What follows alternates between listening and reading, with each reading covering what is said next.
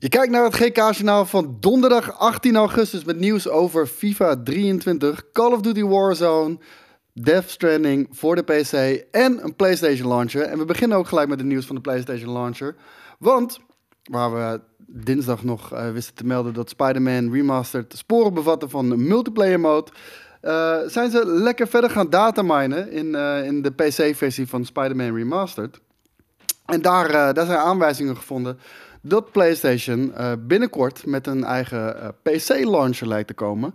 Uh, nu zal dit niet geheel verrassend zijn, denk ik. op een gegeven moment heeft bijna iedere uitgever zijn eigen launcher op de PC. Het is het doorn in het oog voor ook vele PC-gebruikers, mijzelf inclusief. En um, we moeten maar gaan kijken of, of dat echt iets is wat we willen. Maar het is niet alleen maar kommer en kwel. Want ik, ik lees even een aantal dingetjes op waarom Sony dit in eerste instantie zou gaan doen. En waarom het misschien voor jou als, uh, als, als, PlayStation of PC-gamer een, een goede optie is. Want hier komt die. Uh, ten eerste, waarom gaat Sony dit doen?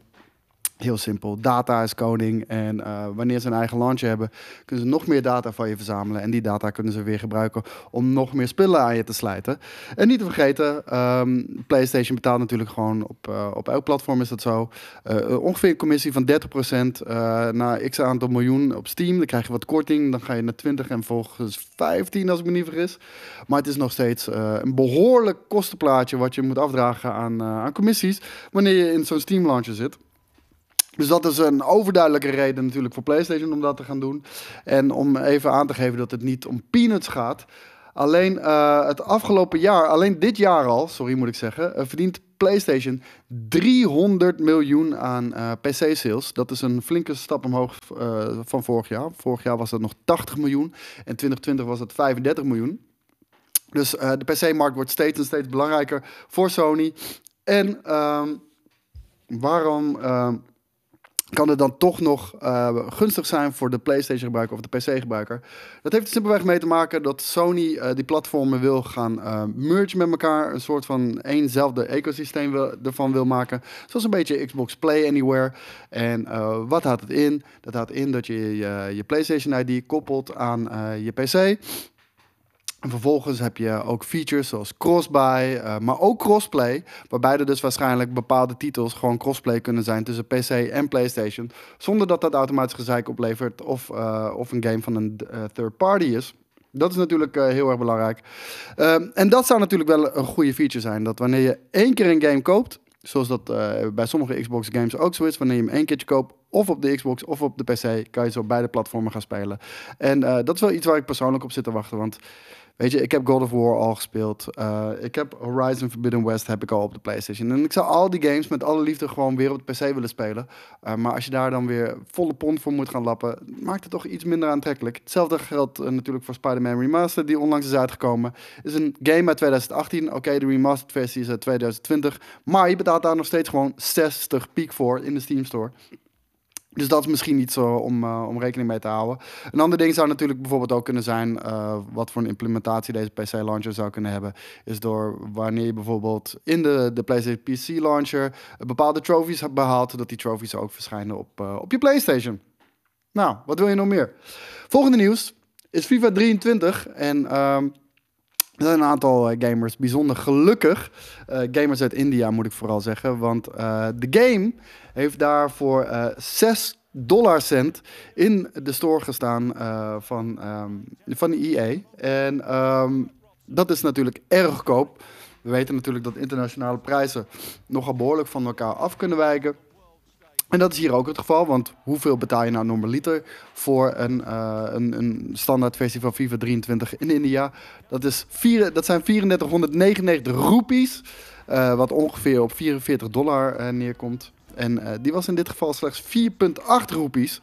En um, het, was hier, het ging hier niet eens alleen om de standaard editie. Het ging hier om de Ultimate Edition, die nog eens 4799 rupees uh, normaal gesproken is. En EA zegt daar uh, het volgende op. A few weeks back, we scored a pretty spectacular own goal when we inadvertently offered FIFA 23 pre-purchase on the Epic Game Store at an incorrect price. Uh, ze zeggen daarbij ook nog eens: It was our mistake, and we wanted to let you know that we'll be honoring all pre-purchases made at that price. Dus mocht jij nu toevallig in India wonen of een account hebben in India voor, uh, voor, voor Epic Games Store en je hebt daar FIFA uh, gekocht voor 6 cent, dan mag je dat gewoon houden. En uh, dat is zeker niet altijd zo. Uh, ik ben niet bekend met de wetgeving in India, maar hier is het wanneer een prijs te mooi om waar lijkt, een prijs te mooi om waar lijkt te zijn en het overduidelijk een, een, fout is, dan hoeft een, een uitgever daar niet te mee te gaan. Ik weet niet hoe dat in India is natuurlijk, maar EA doet er niet moeilijk over en die zegt iedereen die de game voor 6 cent heeft gekocht, die krijgt hem gewoon van ons. ander goed nieuws daarbij is nog dat de FIFA 23 PC-versie van dit jaar eindelijk de PlayStation 5 en de Xbox Series X versie is. En dus niet de last gen versie, wat de afgelopen jaren wel het geval is geweest. En dat, zorgt er gewoon voor dat je parity hebt met de next gen consoles.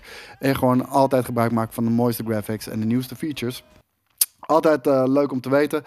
Ook leuk om te weten is dat dit de laatste FIFA is van EA. En dat betekent niet dat er nooit meer FIFA-games gaan verschijnen. Uh, de licentie zal gewoon naar een andere ontwikkelaar gaan, waarschijnlijk een andere uitgever.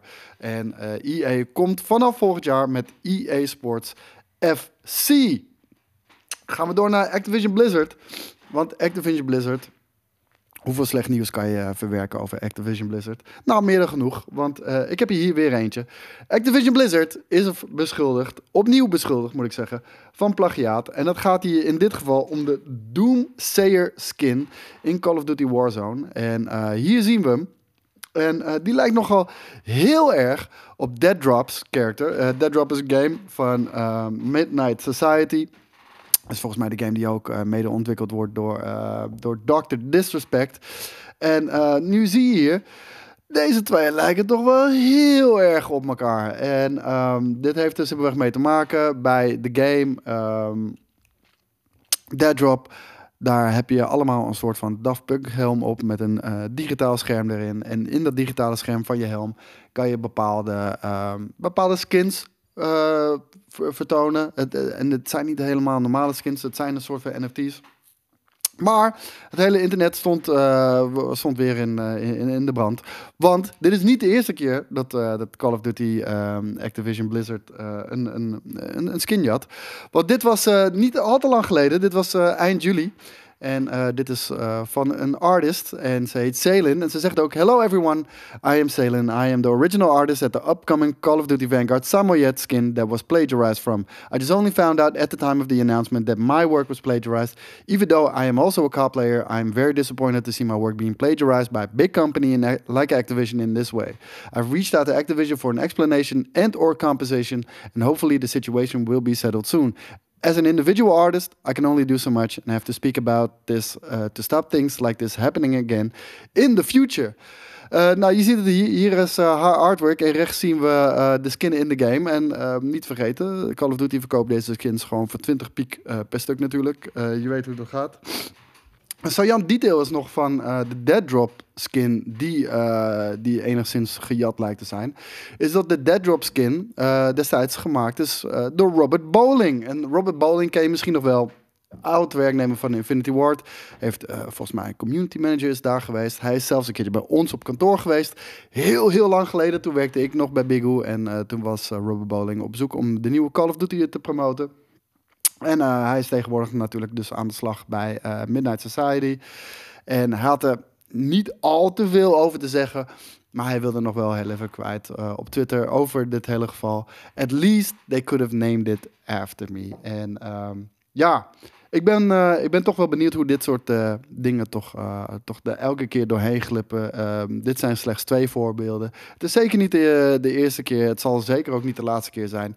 En ik vraag me toch af, op een gegeven moment, wanneer je je, je, je hier tegenaan stoot, dat je toch op een gegeven moment wel een beetje je due diligence gaat doen wat betreft ook copyright natuurlijk en, en, en het beschermen van artiesten. En dat gaat hier uh, volledig uh, helemaal fout. De, de Floof Fury Gate, uh, zoals die van de andere artiest heette, die is inmiddels resolved. Het duurde wel een week voor Activision Blizzard om erop te reageren. Maar voor zover ik weet is, is de skin uit de game gehaald. in plaats van dat de artiest, en ik weet niet, misschien staat ze daar niet voor open, gewoon een hele dikke vette vergoeding krijgt voor een game die miljoenen keren gespeeld wordt door echt miljoenen spelers. Um, dan het laatste nieuws. Death Stranding lijkt naar PC Game Pass te komen. En waarom zeg ik dat? PC Game Pass, die tweette eh, afgelopen week dit. En afgelopen week, daarmee bedoel ik uh, eergisteren. Sometimes we just like a good landscape picture. Hashtag new profile pic. En uh, we zien hier links, ik heb het iets uitvergroot, ehm, de profielfoto van PC Game Pass. En wat zien we daar nou op de achtergrond? We zien wat bergen. het lijkt een beetje op IJsland. Ehm, dit lijkt toch heel erg op Death Stranding, om, om Death Stranding te gaan. En dat is op zich best wel funny, want wanneer je hier kijkt op de Steam-pagina, dan zie je dat Death Stranding wordt uitgegeven door, uh, althans de, de PC-versie. De, de PlayStation-versie wordt uitgegeven door PlayStation. De PC-versie werd uitgegeven door 505 Games. Maar als je dat laatste zinnetje leest, Death Stranding is a trademark of Sony Interactive Entertainment LLC. Dat wil zeggen dat de IP van Death Stranding dus van Sony is en niet van Hideo Kojima. En dat maakt het toch best wel, uh, ja, wederom een saillant detail om dat uh, zomaar op deze manier te noemen. Um, de profielfoto lijkt vrijwel zeker om, uh, om Death Stranding te gaan. Meerdere mensen hebben daar al bepaalde screenshots overheen gelegd. Die vrijwel één op één leken over te komen met het ja, prachtige IJsland waar, waar deze wereld op gebaseerd is. Death Stranding, mocht je hem nog niet gespeeld hebben en hij komt op Game Pass. Alsjeblieft, pik hem op. Ik durf oprecht te zeggen, met mijn handen in het vuur, dat dit een van de meest bijzondere ervaringen ooit is. Het zal absoluut niet voor iedereen zijn. En dus kan ik ook begrijpen dat je misschien niet deze game hebt opgepikt. Maar wanneer deze in Game Pass zit, is dat absoluut niet een deal die je moet kunnen laten liggen. En uh, ik hoop dan ook voor de Xbox en de PC-eigenaar. Het gaat hier in dit geval specifiek om PC Game Pass. Misschien omdat de IP dus echt van Sony is dat ze hem niet op de Xbox willen hebben, maar dat ze geen problemen hebben met de PC. Uh, Death Stranding, kritisch een succes, commercieel iets minder succes. Hopelijk kan dit de spelersaantal uh, een flink aantal malen omhoog krikken. Ik hoop dat dan ook, want wat ik al zei, het is een van de meest bijzondere games ooit gemaakt. Van een van de meest bijzondere game designers ooit, Hideo Kojima. En daarmee zijn we aan het einde gekomen van het GK-journaal van donderdag 18 augustus. Bedankt voor het kijken en tot de volgende keer. Ciao.